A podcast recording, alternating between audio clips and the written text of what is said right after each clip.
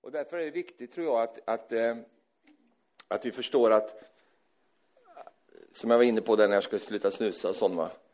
Jag vill ju uppmuntra folk som prövar och prövar och pröver och aldrig klarar. Det är för att du, du, du, du gör det i fel ordning. Jag vill uppmuntra, sluta, sluta försök. Gör något annat istället.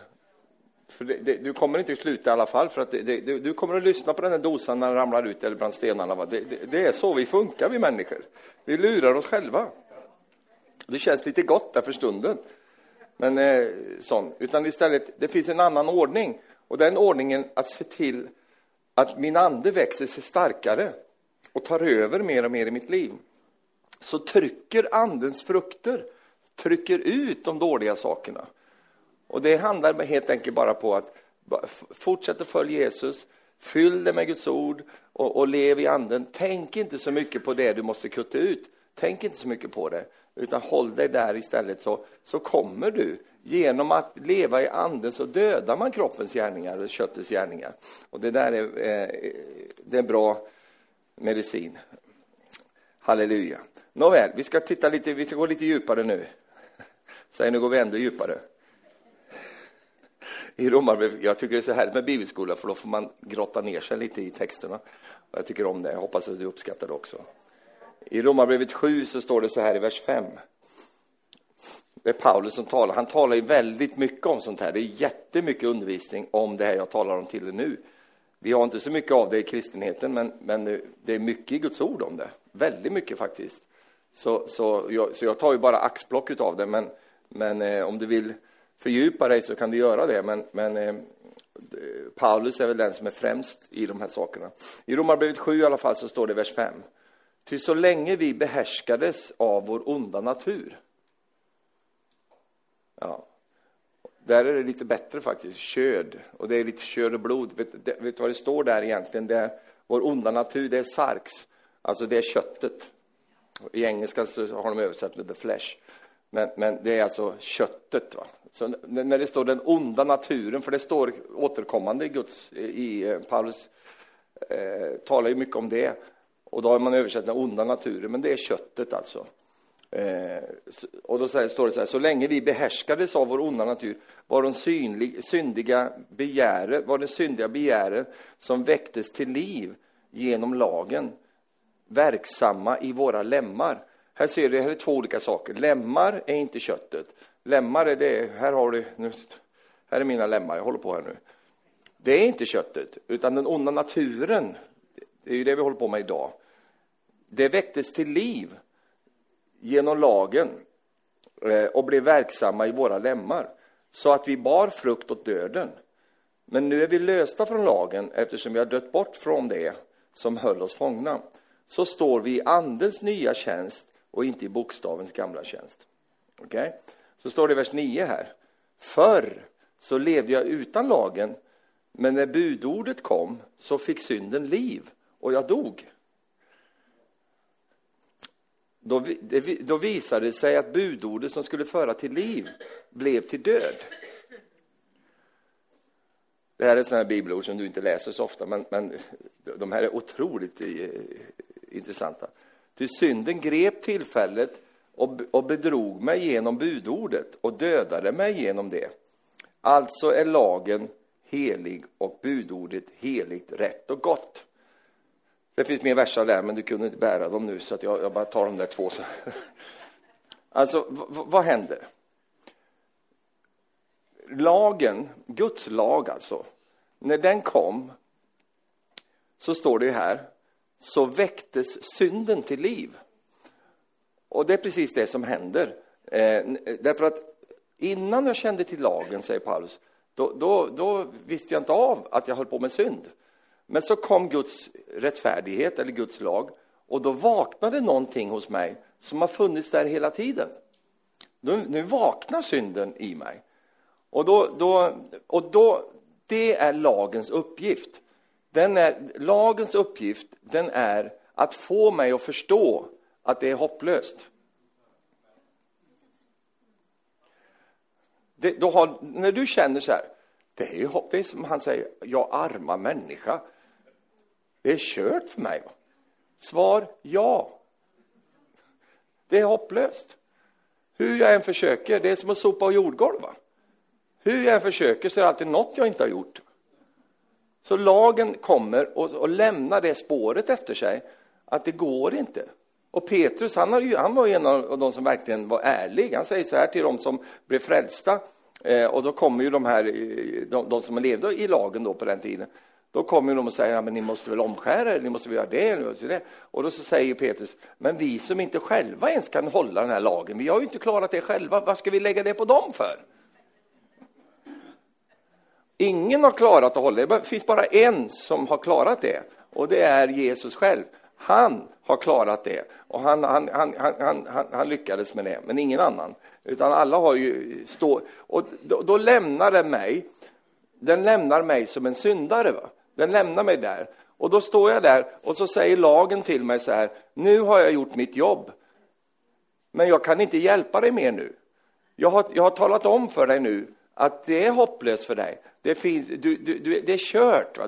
Du, synden eh, finns i ditt liv och eh, nu kan inte jag hjälpa dig. Så vad lagen gör, den kan väcka dig, men den kan inte frälsa dig. Och när då, då vi har upptäckt detta, då ställs vi inför två val. Det ena valet är att säga det, så jag, strunt, jag orkar inte med, jag struntar i det, bara gå därifrån. Det andra, eller blir bara rebellisk, va? Och så, ja, så. eller också så, så, så söker jag efter en frälsare. Det var ju det Paulus säger, jag, vem ska frälsa mig? För lagen har talat om för mig och väckt massa saker i mig som jag inte ens trodde jag hade här inne. Du vet ju att när en människa bär på, människa bär på en infektion, eller bär på något gift, eller bär på någonting i sitt liv, så kan man faktiskt provocera fram en reaktion. Va? Om du är allergisk till exempel. Då kan man provocera fram en reaktion, en allergisk reaktion, genom att utsätta dig för någonting som gör att den där allergin går i full blom. Och så är det med synden också, att synden den kan hålla sig lite skjult. Va? Och sånt. Men när budordet kommer, då väcks synden till liv, med begären också. Och det är det som är så eh, frustrerande för lagiska människor, därför att det enda de tänker på är synd. Va? Ju mer lagisk du blir, ju mer syndtankar får du. Och därför ska du hålla dig borta från lagiskhet, för lagiskhet kommer aldrig att hjälpa dig, annat än att tala om för dig, du behöver Gud. Va? Du behöver Jesus. Det, det, är det lagen säger till dig. Du måste, ha, du måste ha någon som hjälper dig här. Och då, och då kommer Jesus och säger i ditt hopplösa läge och säger så här, jag kan frälsa dig, jag kan hjälpa dig. Och så, så ger han dig av sin nåd. Va? Och därför när du, när du har uppgått igenom detta, då kommer du säga tack lagen för att du kom och talade om för mig att jag behöver Jesus. För, för, att lagen är god. Va? Den, den, är, den, är, den, är, den är ju av Gud för att hjälpa oss människor att förstå att utan Gud är vi utan hopp i den här världen. Ser du det? Ja.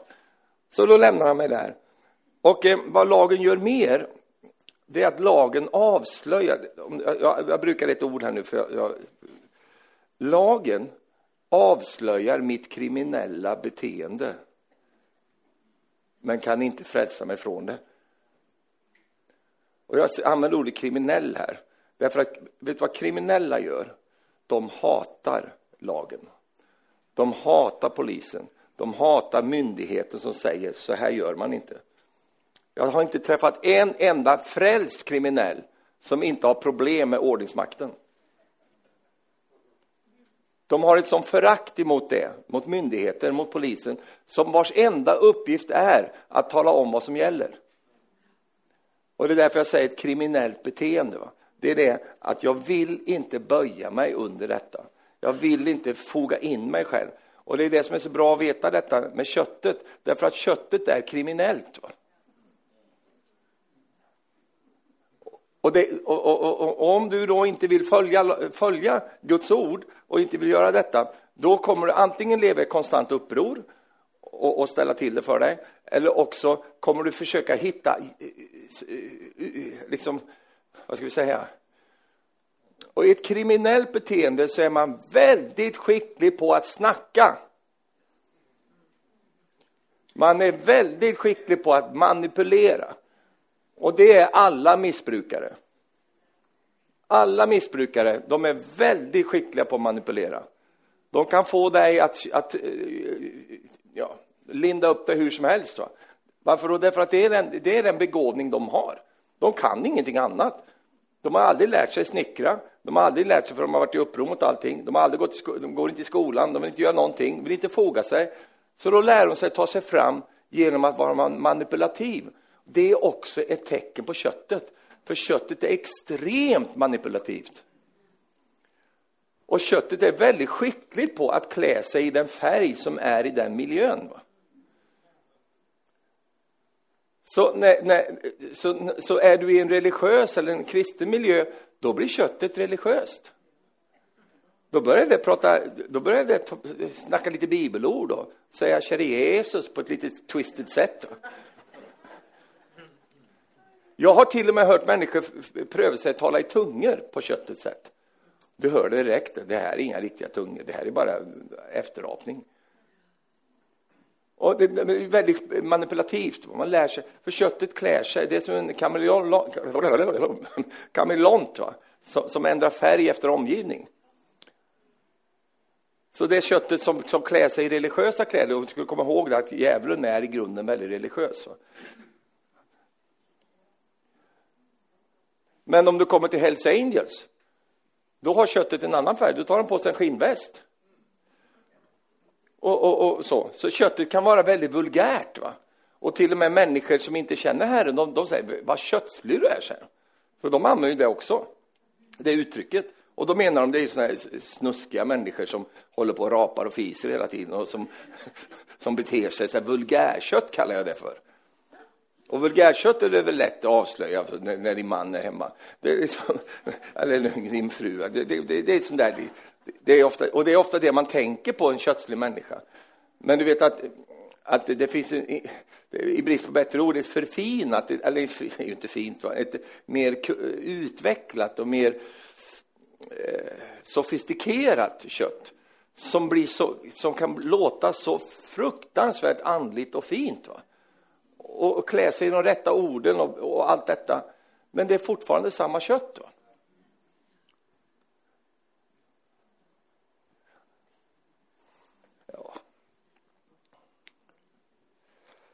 Och det är därför jag brukar det här ordet kriminellt beteende. Därför att det, det, lagen, när den kommer, så avslöjar den det. Det är det som är så bra med lagen. Nu tänker jag inte på Guds, den dagen här, utan jag tänker på lagen överhuvudtaget. Det är det som är så bra när du kommer till, till en domstol, va? eller kommer till en lag. Du har kört för fort. Va? Finns det någon som har varit kötslig när du möter eh, polismannen? och börjar försöka smiska honom och, och sånt. Ja, hej. Hej. Vad fin du är idag. Och så säger polismannen, nej men du har kört för fort här. Ja, men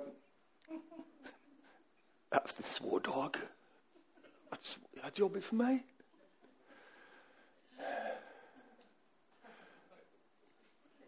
Har du sett min fru någon gång? Det är henne jag lever med. Det är henne jag åker härifrån. Jag, jag stack hemifrån, jag stod inte ut. Det gick väldigt fort. Och så börjar man... Har du hört om den här på den tiden? Jag tror inte de gör det längre. De hade ju helikoptrar som polisen också som åkte över, över motorvägen. Va? Då var det en präst. Han körde för fort och polisen, konstapeln, stoppade honom. Så. Ja, det gick fort här. Ja, säger prästen, blir han så här liksom. Så. Men konstapeln så gjorde han så här, blir så religiös. Konstapeln skulle vi kanske kunna tänka oss att eh, vi kanske stryker streck över det här ändå. Så, det är inte ofta jag kör fort, men, men jag, ska, jag är på väg till möte här nu. Och, och så. Skulle vi kunna tänka oss att... Och då så säger polisen, ja, det kanske vi kan göra, men vad ska jag säga till han där uppe då? Så pekar han så. Och då trodde ju han att han menade Gud. Va? Och så här, nej, det är klart, det, det, nej, nej, nej, nej. Han menar ju på helikoptern som hade tagit... Men visst blir vi lite sådana där ibland, att vi, vi försöker kringgå lagen och säga liksom, den gäller alla andra, men det gäller inte mig. Va? För jag har någon egen liten väg som jag ska in i det här. Så jag, jag ska komma förbi det här. Va? Och då kan man skylla på sin uppväxt, man kan skylla på att man hade bråttom, allt möjligt. Men, men lagen har inga känslor. Den säger, ja, du kan ha hur bråttom du vill, men här har du boten. Och då har man ju ett val där. Va? Och ett val är ju att kapitulera. I surrender all. En sån då. Jag kan kapitulera. Eller också kan jag göra så här. Och säga, din skitgubbe där, du ska inte komma till mig här och säga, jag kör så fort jag vill. Va? jag gör vad jag vill. Och en del väljer den, och då blir det den att, och sen kan man ju också omvända sig under, under det. Va? Och säga, ja, det ska aldrig mer, åh, jag lovar det ska aldrig mer. Och så går det tre dagar så är du uppe i de där hastigheterna igen. Då. Inte du alltså, för, inte med den bilen i alla fall. Jag åkte med en en gång, vet du. Och jag kan ju inte säga vem det här är. Jag åkte med en en gång. Och jag sa till honom, du, du, du kör väldigt fort nu alltså. Ja, ja men det är bråttom, vi hinner, vi ska till möte här, det är viktigt, vi ska möta Jesus. Så han körde så fort, vet du. Och helt plötsligt så kommer de där blålamporna där bak. Va? Och då så, tittade jag på honom, då, så, då gick han in i en speciell roll. Va? Så jag såg på honom. Va? Och så, så stannade ju polisen någon, så kom det var en kvinnlig konstapel, kom fram där. Och så helt plötsligt blir han så här, hej konstapeln. Och då säger hon där, du det gick väldigt fort alltså. Ja, det gjorde det. Men du förstår, vi är på väg till möte. Jag har lite bråttom, jag har predikanten jämte mig här. Och jag måste ta in, leverera honom i tid, förstår du. Ja, men det kan du ju inte skylla på sen. För nu börja tidigare då. Och det är mycket man skulle ha gjort egentligen. Va? Så, började, så blev han så där dålig va, inför henne. Där. Ja, jo, men jag är, det är förskräckligt egentligen att hur jag håller på. Ja, det är ju körkortet som ryker nu, så. Ja, det är det kanske. Du tror inte, vän, du tror inte att du kan göra lite på det? Då? Kan du dra ner det lite, tror du? Så jag klarar körkortet? Det går ju inte, det står ju här. Va? Jag kan inte göra det. Men tror inte du att han lyckades ändå? Han fick henne att skriva ner så, så att han kunde bevara sitt körkort. Nej, var helt, jag tänkte, och sen då, allt var färdigt, då skulle han ge dem en bok också. Så han var ju en evangelist. Va? Så springer han ut i bil, bilen och säger, jag konstaplar, skulle ge er en bok, Eller handlar om en som satt i fängelse och blev frälst. Och, och, så, och de, de bara blir helt... Och sen så lämnar vi dem, va? så åker han iväg. Och så blåser han upp i samma hastighet igen. Va? Men du kan ju inte göra så. Du har ju precis fått en bok på 5-6 tusen. Och, nu, och, du sa ju där när du satt där att du ska, åh, ska tänka på detta och det där, det där, det där. Och nu, poff, bara blåser du på igen. Ja, ja, ja, ja men det, det sa jag ju bara till henne där. Och det är köttet. Va? Det är ett kriminellt beteende. Det är att man liksom, man, man, man prövar att liksom lura lagen va? och försöka undgå den. Du har ju aldrig gjort sådana här, du aldrig någonsin, nej, nej, nej, men, men, men det finns ju människor i Sverige i alla fall som, som de håller på med sånt här. Väldigt kötslig folk. Och det är därför när en människa blir frälst, som har levt ett kriminellt liv, så är det inte, det är inte bara halleluja, pris för Gud, utan det är också en, en total omvandling av en människas beteende. Så att man inte längre liksom beter sig på detta sättet och försöker kringgå saker och ting eh, utan istället förstår att eh, eh, det enda sättet för mig det är att jag helt kastar mig på Jesu nåd och bara säger Jesus, jag, jag är, jag, jag, är störd alltså. så jag måste ha din hjälp, annars så kommer inte det här funka för mig. Och, och det sker ju genom omvändelsen. Kan du säga halleluja? Och i Romarbrevet 8, vers 4. Jag kan ta Ja, jag tar 8, vers 1 först. Vi börjar med vers 1. Så finns nu ingen fördömelse för de som är i Kristus Jesus. Till livets andes lag har Kristus Jesus gjort mig fri från synden och dödens lag. Det som var omöjligt för lagen, svag som den var genom den syndiga naturen, det gjorde Gud genom att sända sin egen son som syndoffer. Han som till det yttre var lik en syndig människa och i hans kropp fördömde Gud synden. Kan du säga amen? Och så går vi till vers 4, där det står så här då. Så, lag, så skulle lagens krav uppfyllas i oss som inte lever efter köttet utan efter anden. För de som lever efter sin kötsliga natur tänker på det som hör till köttet, men de som lever efter anden tänker på det som hör till anden. Då har vi en ny, en ny ingrediens i det här. Det är att mina tankar går emot ett visst håll. Och när jag lever efter anden så börjar jag tänka efter anden också. Så det hjälper det min själ. Men när jag lever efter köttet så tänker jag efter köttet. Och därför så eh, är det så underbart att veta detta, att förstå det här, att det som var omöjligt för lagen, lagen har hjälpt mig till den här punkten, lagen har talat om för mig att jag är kriminell, att jag, jag är en syndare, jag är, sån, det har lagen hjälpt mig med. Nu stannar han där och så säger han hej då och så kommer Jesus in och säger, men jag har blivit lagens uppfyllelse för dig. Det du inte kan, det har jag redan gjort för dig. Och nu, från och med nu, om du gör dig avhängig av mig, så kommer den onda naturen inte längre ha någon inflytelse på dig. Så rätt svar i kyrkan är ju alltid Jesus.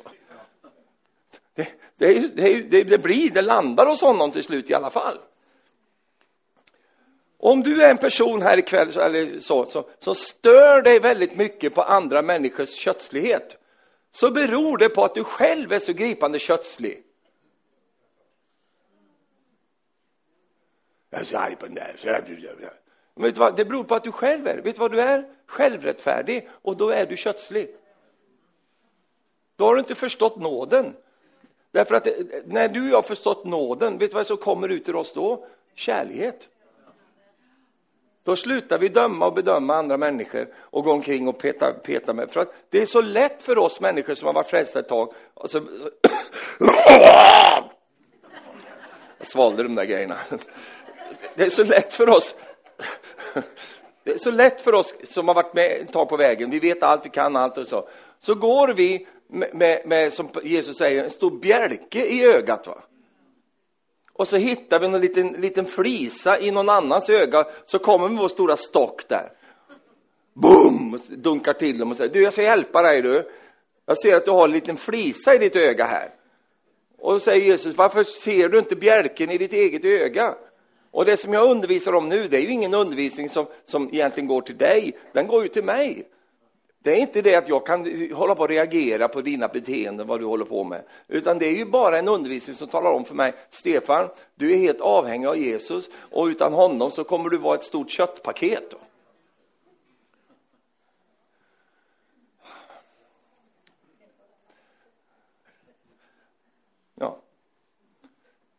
Så välkommen att vara med på en undervisning som bara handlar om mig. Det är så jag tänker i alla fall. Men förut då, förut då, jag måste gå, gå fram lite här. Förut så hade vi ju inte något val. Men nu så kan vi välja bort köttet genom att vandra i anden. Alltså förut var vi ju hemfallna åt det här. Då, då, då, då, då, då, då, då, då då hade vi liksom inte den kraften att stå emot det. Utan då var vi mer eller mindre kötsliga i våra liv.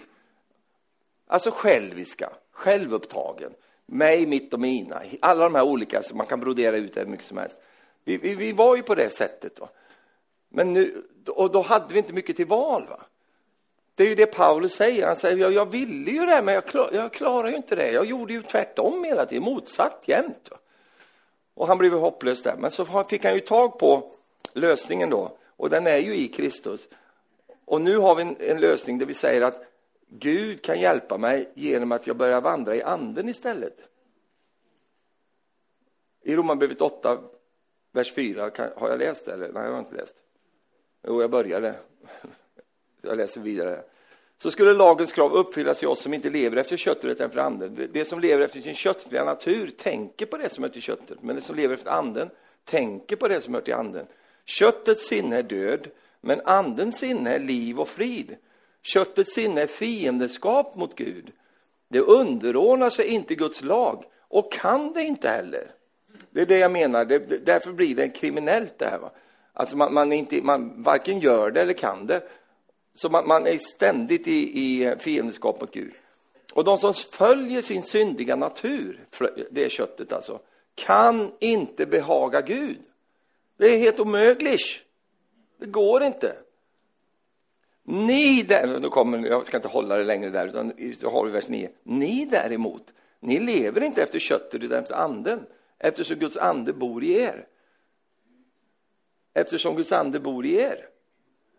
Den som inte har Kristi ande tillhör inte honom.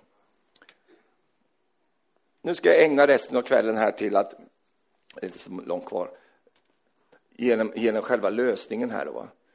Och det är att genom att vår inre människa, vår ande alltså, växer till så ändras maktbalansen i våra liv. Problemet som många har det är att det är fel maktbalans. Va?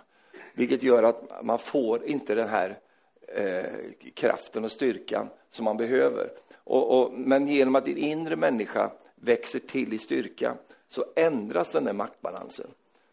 Förut så, så var, du, var, du bara, du, bara, du var predestinated to lose. Men nu så är du predestinated to win.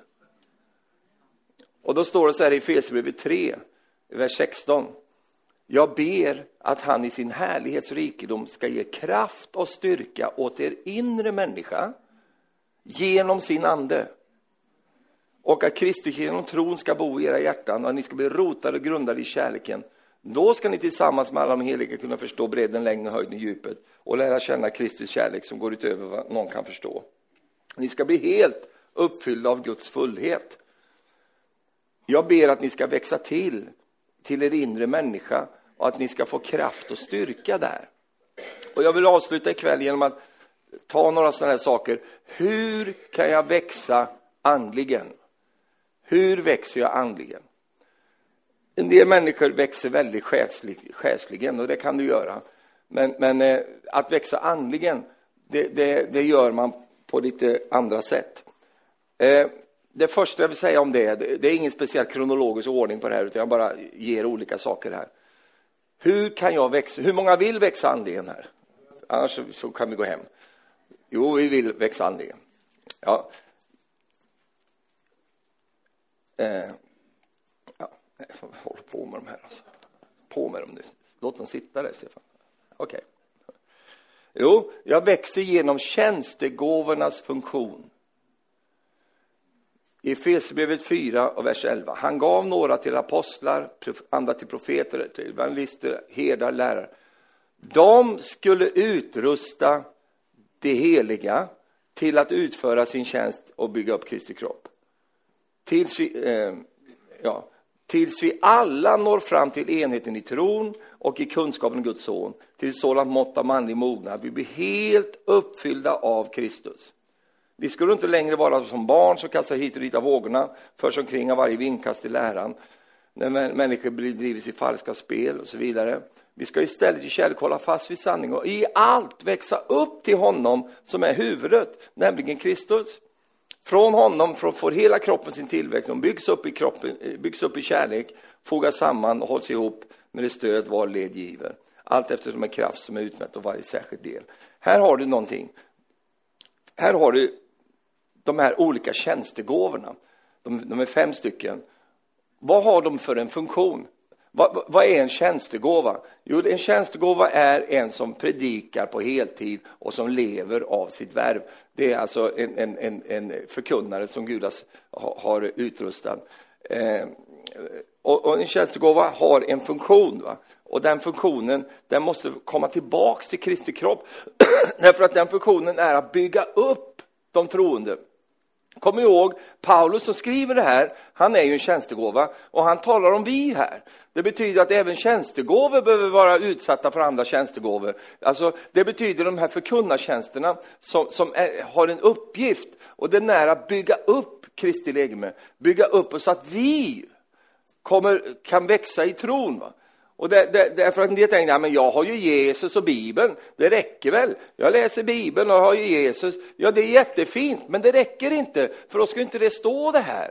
Därför att det finns en, en, en utrustningsfunktion och så. Inte det att liksom, det är något speciellt särskilt med en tjänstegåva, utan det är bara en kallelse som Gud har gett. Och så fort en tjänstegåva får för sig att, att eh, folket är till för dem, då har vi problem. Nej, de är ju till för folket. Det är ju det, är ju det som är själva syftet, hänsikten, att bygga upp Kristi lägeme. Och har du, om du sitter under i en tjänstegåvas funktion, då kommer du att bli uppbyggd. Och om du inte gör det, eller om det är något annat som du är utsatt för, då kommer du bli dränerad. Du kommer bli dränerad på din egen kraft och dina egna pengar och allting. Du kommer tapa hela tiden. Men om du har en, en sund, eh, så att säga, eh, funktion här, då kommer du känna dig, och inte bara känna dig, du kommer bli uppbyggd. Så jag, det här kan vi prata mycket om, men jag bara kastar in det. Att tjänstegåvornas funktion är detta. Att vi ska byggas upp i kärlek.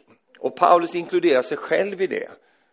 Han som var en mäktig apostel själv säger jag behöver den här funktionen i mitt liv för att kunna växa till. Tills vi alla kommer fram. Amen. Hur växer vi till andligen mer då? Jo, genom att lägga bort det som är barnsligt.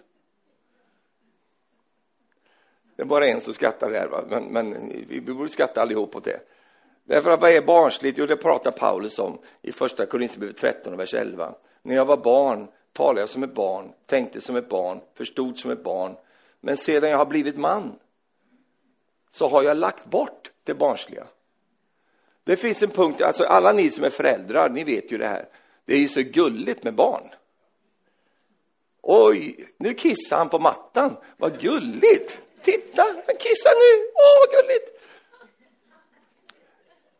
Oj, oj, oj, oj, och titta hur han håller på där vid matbordet och skvätter mat överallt. Och nu, går han, titta, nu kan han börja äta själv, den där lille pojken. Nej, nu missade han där. Så kom det. det tycker vi bara gull. Och det finns en tid och det där är gulligt. Men när din lille guttunge är 30 år och står och kissar på mattan, pff, då, då känner du det är något som är fel här. Det är inte gulligt längre. En liten bebis urin luktar ju ingenting. Va? Men en 30-åring, du får slänga hela mattan. Va? Och det här är ju morsomt, va? men det är ju också samtidigt väldigt tragiskt. Därför att vi har kristna människor, som, Paulus, eller som Hebreerbrevet säger, att ni för länge sedan skulle ni varit lärare själva. Nu är ni, nu går tillbaka, ni är som spädbarn. Som inte ens kan mata er med mjölk. Stackars mamma, ska hon behöva amma dig igen alltså? Hur blir man av med det barnsliga? Man lägger bort det. Det är en av de första kriserna som du som tonåring får vara med om. Det är du får upptäcka, jag kan inte vara så här fjantig längre och barnslig. Nu kommer jag in i ett liv som kallas för ansvar. Att jag får lära mig att ta ansvar. Jag får själv gå ut med söpplet. Va? Jag får själv betala bensinen i bilen. Jag får själv göra och det är en stor kris för många ungdomar. Jag såg den här Dr. Phil, har ni sett honom? Ja.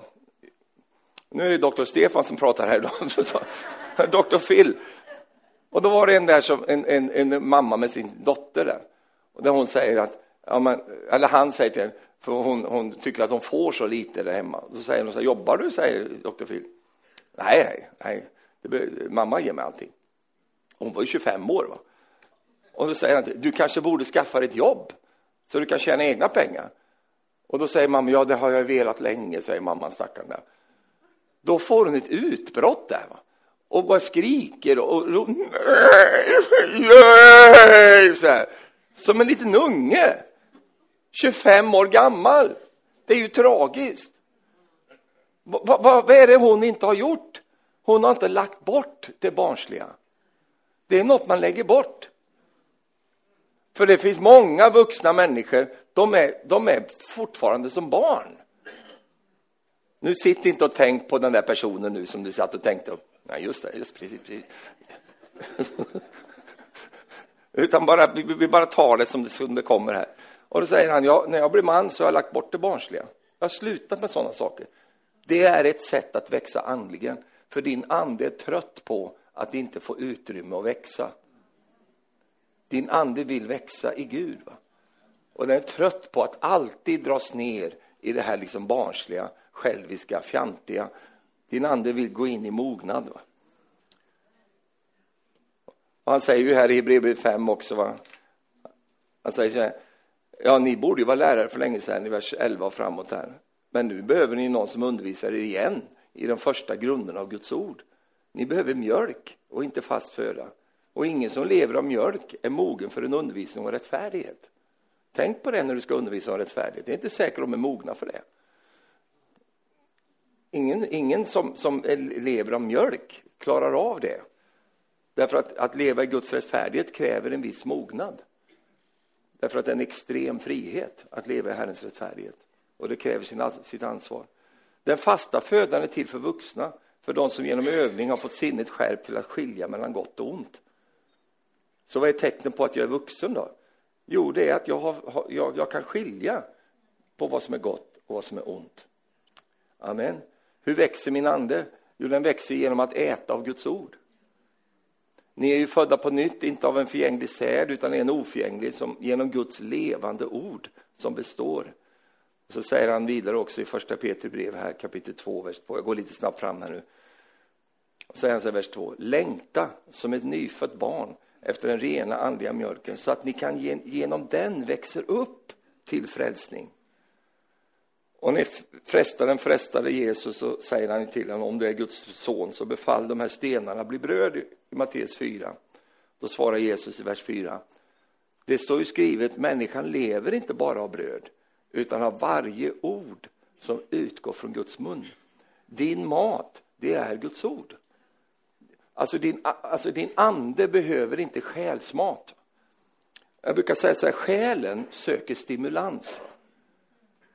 Själen vill bli stimulerad. Och det är därför som vi har alla dessa tv-program och har alla de här grejerna, för själen behöver stimulans. Din ande behöver ingen stimulans. Din ande behöver möta sin underbara skapare. Det enda din ande längtar efter, det är att få vara med Gud. Din ande har sin lust efter Gud, längtar efter Gud. Men genom att själen har så, så stort inflytande ofta så, så, så sitter anden och kvider medan själen sitter och jublar. Åh, vad härligt! Åh, vad kul vi hade det ikväll! Underbart! Alltså själen och själslig kristendom, den bygger på underhållning. Det är att jag ska underhålla ungdomarna. Åh, nu ska vi kämpegöj här idag. Ska vi spela pingpong här idag? Åh, vad kämpegöj! Och så säger vi någonting om Jesus i slutet. Va? Och så går ungdomarna hem och är lite själsligt stimulerade, möjligtvis. Hur kul är det att spela pingpong? Va? Men det är ungefär vad frikyrkan har råd med. Jag tänker, gå inte till kyrkan för att ha göj. Du, gå, gå på liksom, det finns mycket kuligare grejer att hålla på med. Om, du skulle, om det är det du vill göra. Men om du vill växa andligen och att din ande ska växa till och bli stark, ja men då så ska du gå och lyssna till Guds ord. Va? Det är inte så göj kanske, det är inte så stimulerande för själen, utan det ger någonting annat i mitt liv. Det ger den där näringsrika kosten som gör att min ande växer. Och när min ande växer så är det något annat som inte får den platsen. Nämligen den själens eh, svulstiga inflytande som den har haft så länge. Men det är ju inte eh, menigheternas fel, för vi har ju, vi har bjudit på detta. Och säger, ja visst. Jag sa till en, men vi behöver väl kanske inte ha alla de här rökerna och ljusmaskiner och allt sånt där. Jo, annars kommer de inte. Ja, men vad är det som gör att de inte kommer då? Ja, vi måste ha ljus och lite... Då blir det göj, vet du. Och så kan vi inte ha några långa möten och inga riktiga predikningar utan lite mer liksom anekdoter och lite sånt där. Va? Och Jesus var cool. Han var väl inte cool? Han var ju frälsaren. Va? Jo, Jesus åkte motorcykel. Det gjorde han väl inte alls. Det fanns inga motorcyklar på den tiden. Han red ju på åsnor. Men det är ju inget coolt att rida åsna. Nej, men det var det han gjorde. Han är inte känd för att han gick runt med en skinnjacka och, liksom, och lite häftig så här, tjena tjabba, läget, Underbart. Det är inte det han är känd för. Han är känd för han som kommer helbredelse. Han är känd för den som kommer sannhetens ord. Han, Jesus sa inte varken om sig själv eller till oss andra, ni är världens socker. Sa han så? Men varför håller vi på att ge folk socker hela tiden då? Han sa ju vi är världens salt. Den har du inte tänkt på. Men jag har tänkt för dig. Så, så vi, har ju, vi, har ju, vi har skapat en sockerkristendom. Och vad, vad, gör socker för någonting? Jo, det ger ett rus. Va? Det ger en kort tillfredsställelse och lämnar skador i kroppen på det efteråt. Ja, det är inte bra att äta för mycket salt heller.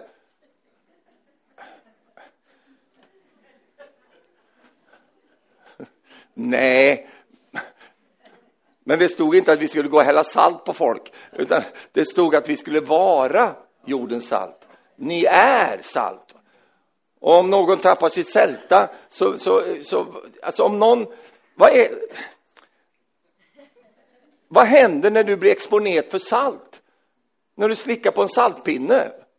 Vad törst, rätt svar Erna. Du är så intelligent. Då blir man törstig. Va?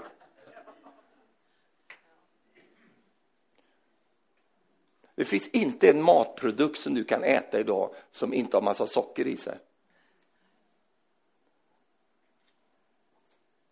När Jesus kommer, vet du vad han? Han var det osyrade brödet. Det var inget inblandning utav det, alltså han, det, var inte, in, det var inte syrat. Va? Och det är ju tecknet på att han är det osyrade brödet. Halleluja. Inga tillsatser. Help me. Inga tillsatser. Ja, men vi måste ju ha lite tillsatser. Varför då? Jo, därför att själen vill ha det. Själen vill ha stimulans. Men anden vill möta Gud. Anden trängtar och längtar efter Herren, men får ofta så lite rum. Ja. Men det, det, det, blir ändring på det. Alltså, det blir ändring på det. För det är en sak som är säker. Själisk kristendom och krist, eh, själisk förkunnelse blir, blir tröttsam efter ett tag. Man blir trött på det. Man, äh. Och det är ju det positiva, för då börjar man längta efter den rena mjölken, den rena, sanna som kommer att... Genom att äta av Guds ord så växer min ande. Halleluja.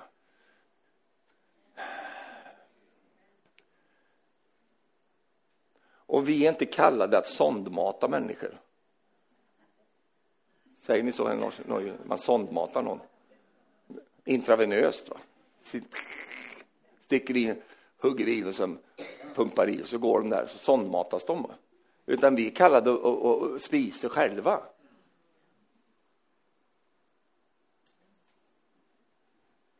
Om du inte äter så kommer det snart nej, nej, nej, nej, nej, nej och hämtar dig. Man dör om man inte äter. Om inte din ande får mat, så den dör väl inte, men den, den, den, den förkrymper och, och liksom tappar sin kraft. Därför att den har inte fått någon mat. Andlig mat är Guds ord. Kan du säga amen till det? Hur växer min ande då? Vidare. Jo, oj, nu är det snart slut här. Oh, jo, genom, genom att jag ber i anden.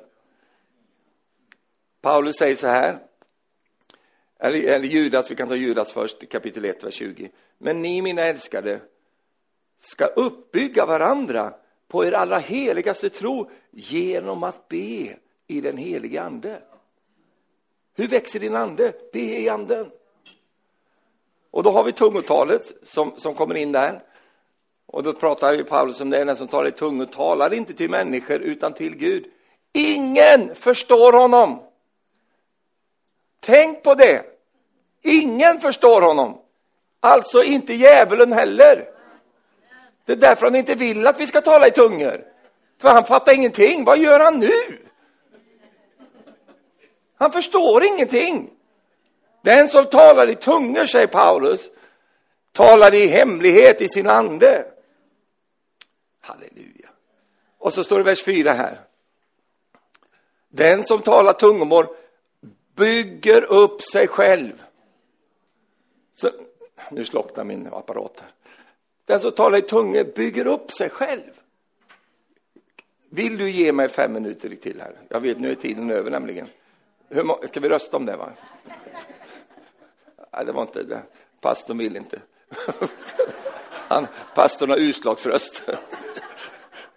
Ge mig fem minuter till, så jag har bara en. Den som talar i tungor bygger upp sig själv. Jag starta om hela den bara för det. Sån. Eh, och så säger han så här i vers 14. Ty om jag talar i tungomål när jag ber, så ber min ande, men mitt förstånd bär ingen frukt. Säg tack och lov. Att Gud har upprättat en plats där förståndet får vara tyst och stilla. Där du inte får, du får inte ut någonting av förståndet. Men din ande kommunicerar med Gud. Din ande byggs upp genom att jag talar i tungor. Jag tycker om att tala i tungor i möten, men jag tycker ännu mer att tala i tungor när jag är helt själv. Jag talar med mig, talar själv. Sitter i bilen och bara och jag känner i, mitt, i min ande hur den trivs. Den byggs upp. Och han säger till mig, Stefan, fortsätt med det där. Fortsätt med det. Sluta hålla på och tjata med din, din svenska. Jag, det vill jag inte ha mer av. Det räcker med det babblet du håller på med. Ditt förstånd, det, det har vi hört. Vi kan ditt förstånd. Vi vill inte ha mer. Utan Anders säger, fort tala i tungan, Snälla Stefan, tala i tungan. Oh, rabashikiri alla magandio. Och du vet att när jag gör det, rätt vad det är så kommer, boom! Kommer bara en, en, en tanke, ett ord ifrån Herren rätt in i min ande. Jag får en idé. Va? Och du säger, men jag är inte fylld med den helige ande, jag, jag talar inte tunga, men då ska du få bli det. Därför att det är för alla de som tillhör Jesus. Skulle Gud ge vissa en del verktyg och andra inte, då är inte Gud fair. Va? Han är helt fair. Det finns mycket att säga om det, men jag fick ju bara fem minuter, så att det, det är inte mycket jag hinner med på fem minuter, förstår du.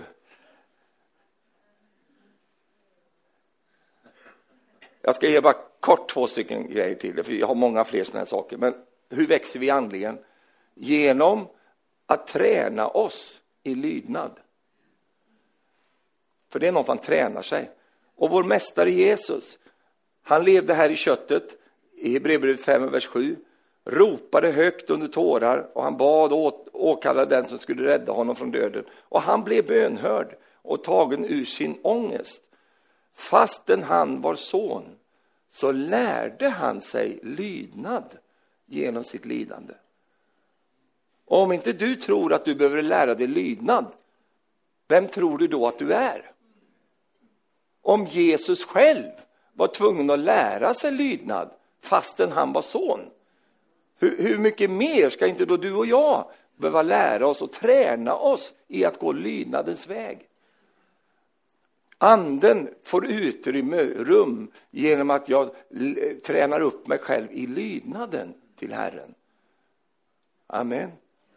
Och det är därför vi har gjort en, en otjänst till våra, till, till, alltså speciellt yngre generation. Man gör barnen en otjänst när man inte lär dem lydnad. Det börjar redan från första början, att man lär dem lydnad. Gör inte så. Du gör inte så här. Och då, då vet du vad som finns i det lilla barnet. Ett kött. Har du märkt det? Vi har lite barnbarn hemma nu. Vet du. När inte han får som han vill, då börjar han kasta grejer. Han blir jättedestruktiv och slänger, han kastar allt möjligt. Han är bara ett och ett halvt, eh, två år gammal. Två år gammal. Va? Nej, du får ingen mer kaka nu. Ah! Och så sätter han igång, vet du. Oförnuft låder vid barnet, men tuttans ris driver det bort. Jodå. Och nu menar inte jag att du ska slå dina barn, gör helst inte det. Det finns mycket bättre, effektivare sätt. Det är genom att stå på dig och säga du kan skrika hur mycket du vill. Skrik på bara, bara hålla på. Det blir ingen kaka i alla fall. Har du sett de här som kommer till affären när det finns gotteri? Och när barnen ställer till med en scen. Va? då brukar de hiva dem i godis direkt för att han ska bli tyst, ungen. Va? Han har, han har lärt sig köttet. Köttet är manipulativt. Han vet att mamma skäms ögonen ur sig nu när, hon inte, när, när unge skriker och lever över och fiser och bajsar överallt i hela butiken. Och så sticker till han där. Va? Och vad hon just nu har gjort, eller han om det är pappan, det är att han nu har, han liksom, han, han, han har skapat en, en, en, en situation där den här ungen kommer få problem längre fram. Det finns, det finns olika typer av, av auktoritet. Det finns vad jag kallar för, inte jag som hittar på det här, utan jag har ju läst det. Det finns vad man kallar för konkret auktoritet. Va? Det är det du håller på med innan ditt barn, eh, när det är litet. Va? Ja, men, alltså, våra ungar, när de skrek i affären, jag bara tog dem under armarna, gick ut, det blev ingenting här. Skri hon skrek hela vägen ut. Va? Slänger in dem i bilen och låser dörren och sen säger hej på dig. Det är upp, då förstod de det lönar sig inte att skrika här. Va?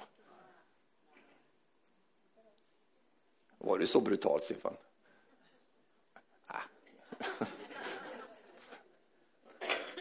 var, inte, var ganska snäll. Men, men det är konkret auktoritet. Nu går vi hem. Nej, jag vill vara kvar. Nu går vi hem. Alla andra på skolan får ju vara kvar. Alla i min klass får göra så här. Ja, men nu är vi inte i din klass, förstår du. Nu är vi hemma hos oss och här bestämmer jag. Kan du alltid bestämma du? Ja. Bestämmer du allting? Jajamän, allting. Fy, och så, uh, och så väller det upp de här grejerna. Uh, uh, uh, uh. är så hård, Du är så hård. Jag vill ha en annan pappa. Jag vill ha en annan mamma, jag vill inte ha dig som mamma längre. Nu ska jag flytta hemifrån. Ja, men varsågod. Jag kommer ihåg när jag var liten. Va? Så, så fick jag för att jag skulle flytta hem, jag var fem år. Va? Så flytta hemifrån. Nu lämnar jag, så tog jag en liten, liten jag tog med mig en liten snuttefilt och någon napp och lite sån här, och en liten bulle jag hittade. Så ska, jag nu flytta hem och aldrig mer komma tillbaka till det förfärliga hemmet här. Så gick jag ut, kom ut i skogen där. Va? Så började det bli mörkt. Va? Uh, fy, alltså, det kom massa monster och grejer kom ut där. Och mamma, hon, och det värsta av allt, va? hon följde inte efter. va Stefan, gullegull, kom, kom till, hem till mamma. Nej, hon visste inte ens om att jag hade flyttat hemifrån. Och sen, det var så kallt och jag var så rädd. Va? Ja, nog kom jag hem igen. Va? Det var inget kul det där. Och då berättade min dotter för oss att hon, var så sint på oss när hon var mindre. Vi bodde i Storvreta, ni som har bott där kommer ihåg, bodde där. Hon var så sint på oss. Va? Det var något som hade hänt. Så hon bestämde, nej, nu rymmer jag hemifrån. Ja, så, så stack hon ju då. Hon var borta flera timmar. Fyra timmar tror jag hon sa att hon var borta. Hon skarvade väl lite grann där, men det, det blir starkare berättelse. Det var jättelänge. Och så, så kom hon på, det är ingen som hämtar mig. Det är ingen, och sen, så jag gick hem igen efter fyra timmar. Och det var ingen som hade märkt att jag var borta ens. Vad är det för ett hem det här? Men det botade henne, vet du. det är ingen idé att rymma hemifrån, det är ingen som kommer hämta dig. Men det finns någon konkret auktoritet där. Och den auktoriteten, den ska vi lära våra barn. Men sen kommer ju en punkt där de blir eh, mer eh, alltså, tänkande och mer kan sätta ihop begrepp och sammanhang och så. Då funkar ju inte den auktoriteten. Va? Det är det som en del tror att du säger till 15-åringen. Nu går du ut i affären, va? nu gör du det. Då funkar inte det längre, för då kommer han eller hon säga, varför då? Och då håller det inte det att du säger, för att jag har sagt det. Och då kommer nästa, varför har du sagt det? Har du någon vetenskapligt, då börjar de sådär, vet du, de har ju gått i skolan nu. Har du något vetenskapligt belägg för det du har sagt? Jag är din pappa, jag säger det jag har sagt, det, det gäller! Nej, inte för mig i alla fall. Och då inser du att, oj, här går det inte med konkret auktoritet, utan då kommer vi till en annan, det är abstrakt auktoritet. Det vill säga att ungen där har lärt sig att förstå det sociala sammanhanget och samspelet, som förstår detta, det här ska inte jag göra. Och det är ju mognad i det här. Och sen har du då, när den personen lär sig det sociala livet, då kan den fungera i ett samfund. Men om man vägrar det, då går det tillbaks till konkret auktoritet igen. Och på engelska är det cement. Cementauktoritet, vad kallas det för? Fängelse.